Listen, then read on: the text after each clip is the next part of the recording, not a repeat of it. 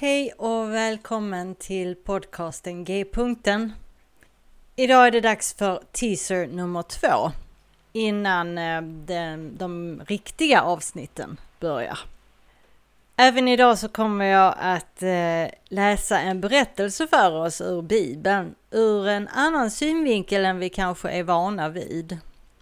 Och jag hoppas att eh, även denna ska ska få hjälpa oss att öppna våra sinnen och hjälpa oss att få lite vidgade vyer för vad just Bibeln eh, är och vad den kan betyda. Och att det faktiskt finns många olika sätt att eh, läsa den på och leva sig in i det hela. Förra eh, veckan så delade jag en berättelse ur Gamla Testamentet. Och idag är det alltså en ur Nya Testamentet, ur Johannes evangeliet fjärde kapitel.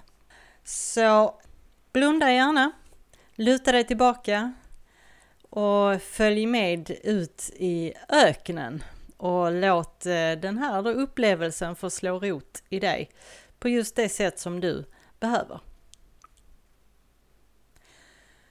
Jag gick till brunnen mitt på dagen Solen brände mig i nacken, svetten sved i ögonen och jag suckade när jag tänkte på hur mycket tyngre vattenkrukan skulle vara på vägen tillbaka. Till och med åkermössen hade sökt skydd under stenar och fåren till skuggan av ensamma sykomorträd. De flesta kvinnor hämtar sitt vatten i gryningen när daggen fortfarande ligger i gräset och solen glöder mjuk och rosa på himlen. De skrattar så det hörs över landsbygden, som fågelsång när de skvallrar och skämtar och grälar på sina småttingar och utbyter nyheter. I öknen är det vid brunnar, vid källor som livet sker. Där vattnet är lika frammanande som moderlivet. Vid brunnen arrangerade förfäderna giftermål. De blev kära. De tog emot löften om förestående födslar. Vid källorna startar Gud något nytt. Jag var inte en kvinna som hörde hemma vid en källa, vid en brunn. Denna brunn var namngiven efter Jakob. Men när jag traskade mot den törstig så tänkte jag på Tamar, vilket jag ofta gjorde. Tamar, den första fördömda kvinnan som skickades från bror till bror utan att få några barn och frambringade bara död tills hon genom illmariga medel gav familjen tvillingar och vårt folk ett land. Jag såg mig själv i hennes berättelse för även jag bodde i min svärfars hus och väntade på att en liten pojke skulle växa upp och bli man. Pojkens mamma hade alla orsaker att frukta mig, att hata mig. Efter fyra giftermål och fyra tragedier så kan jag inte klandra henne. Tamas män var onda, men mina var snälla. De hedrade lagen, även efter de vidskepliga grannarna hade sagt åt dem att kasta ut mig i ödemarken för att dö. Mamman önskade utan tvekan att de hade gjort det och ibland, ja ibland önskade jag det också. Medan solen gassade som ett stort oseende öga ovanifrån såg jag en figur sittande vid brunnen. En man. Jag närmade mig, såg de knutna tofsarna i linningen på hans mantel, vilket bekräftade att han var jude och jag kände en skön lättnad. Oh, bra, vi behöver inte prata med varandra. En man i detta landet pratade sällan med en kvinna och en jude med en samarier? Aldrig. Jag kom fram till brunnen, kollapsade på andra sidan för att återhämta mig efter vandringen. Någonstans hörde jag en hök skria, säkert med blicken fäst vid åkermössen. Vill du ge mig något att dricka? Hans röst skrämde mig. Den var som en åskknall en klar dag. Under ett ögonblick tvivlade jag på att jag hade hört den. Vad för slags jude frågade en samarier om vatten? De trodde ju till och med att våra krukor var orena.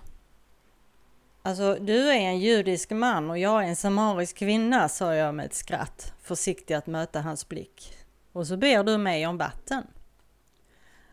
Om du visste vem jag är, svarade han, skulle du be mig om vatten och jag skulle ge dig friskt, strömmande vatten Vatten som är kallare och renare än detta.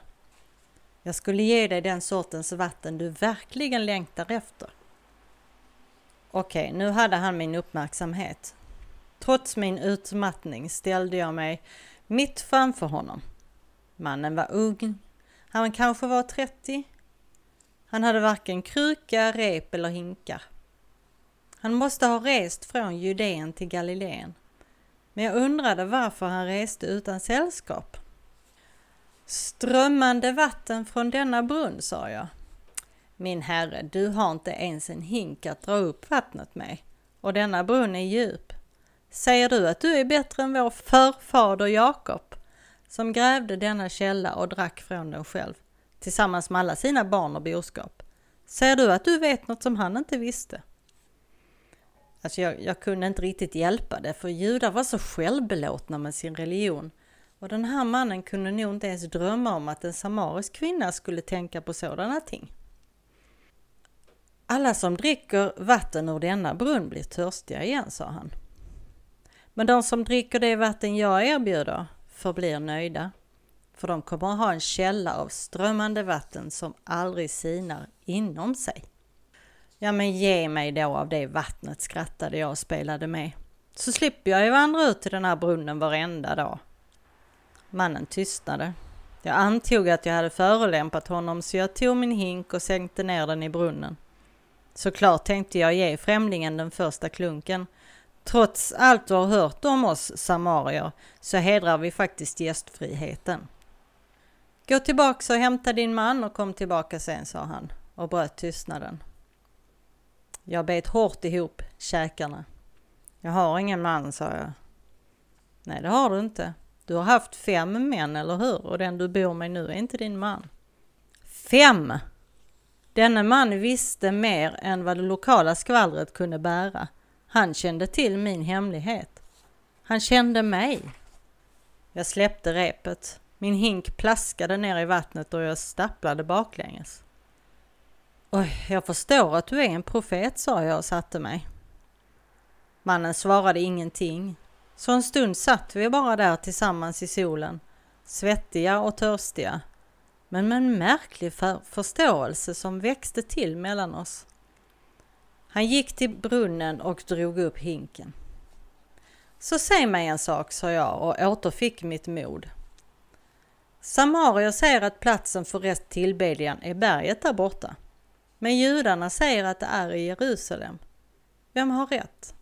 Kanske verkar vara en konstig fråga så här att ställa till en profet som just har barlagt hela ens liv, som namngav det du själv aldrig ens vågade säga högt.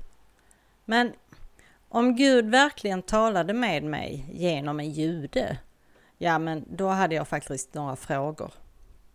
Fiendskapen mellan våra folk sträckte sig århundraden tillbaka.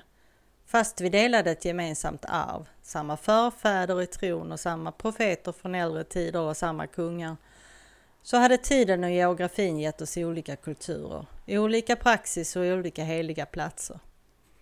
Judarna förstörde vårt tempel på berget Gerizim hundra år innan jag föddes. Och sen förbjöd de oss att tillbe i Jerusalem efter att några ur vårt folk vanhelgade deras tempel med döda kroppar. Och denne man var en profet. Betydde det att rättfärdigheten tillhörde judarna? Och om rättfärdigheten tillhörde judarna skulle en kvinna som jag inte ens kunna möta Gud. Oroa dig inte för det, svarade han med leende i rösten. Frälsningen kommer genom judarna, ja, men den är för alla folk. För den dag kommer när alla hinder mellan oss faller sönder för Gud är ande och sanning. Du kan inte bygga ett tempel runt anden. Du kan inte låsa in sanningen i en helgedom. Den sorts tillbedjan Gud vill ha är tillbedjan utan väggar och gränser. Han gjorde en liten paus.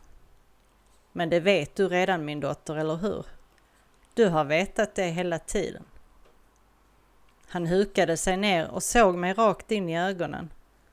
Han såg mig på ett sätt som ingen man någonsin tidigare sett mig. De säger att Messias ska komma och göra allt detta klart, sa jag och jag dristade mig upp från marken. Jag som talar till dig är han. Och med det räckte han mig hinken med vatten. Jag förde den till min mun, lyfte på huvudet och drack djupt av det kallaste, friskaste, rikaste vatten jag någonsin smakat.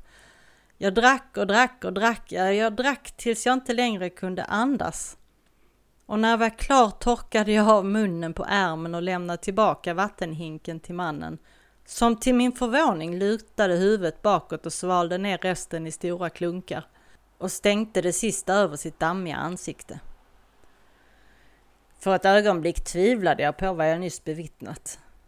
Denne man, en jude, Messias, drack ur mitt orenade kärl och njöt av det. Han såg min förvåning och skrattade. Ett djupt skratt från magen. Ett skratt från en man som ser våra religiösa absurditeter för vad de är. Jag anslöt mig till honom och alla de trötta och törstiga cellerna i min kropp vaknade till liv ännu en gång. Det var som att föda och födas på samma gång. Vi skrattade och torkade våra ansikten tills vi upptäckte att en folkmassa hade samlats. Åtminstone var det tio män. Alla judar stod runt omkring oss med förskräckta ansikten. Mannen, som de kallade lärare, försäkrade sina vänner att inga lagar hade brutits och sen sa han åt dem att förbereda sig för att stanna en lite längre tid. Vi ska äta med samarier ikväll, förklarade han. Jag är säker på att jag strålade av glädje. Jag, jag bara måste berätta det för någon. Men, men vem? Mitt eget hushåll, de hatade mig. Mina vänner var obildade jordbruksarbetare med minimalt inflytande över offentliga angelägenheter. Skulle någon ens tro mig? Kunde någon ens förstå? Jo, där var ju Miriam förstås, slavinnan, och Mara den prostituerade. Och så bagaren, han brukade alltid gilla en bra berättelse. Och kanske herdepojkarna också. Medan flera namn dök upp i mitt huvud rörde sig mina fötter fortare och fortare. Jag sprang över bergsluttningen och förbi psykomoren. Och änkan bredvid mig, hon hade gott om plats för många gäster. Och den blinde tiggaren från gränden, han ville säkert komma. Kanske spetälska från Ebal ville komma på middag och kanske en tullindrivare eller två. Mina fötter dunkade i marken medan staden kom inom synhåll. Vi kunde plocka fikon, baka bröd, dricka vin, tänkte jag. Vi kunde fylla ett hus med hungriga törstiga människor, människor som var redo att skratta igen och äta och börja på nytt.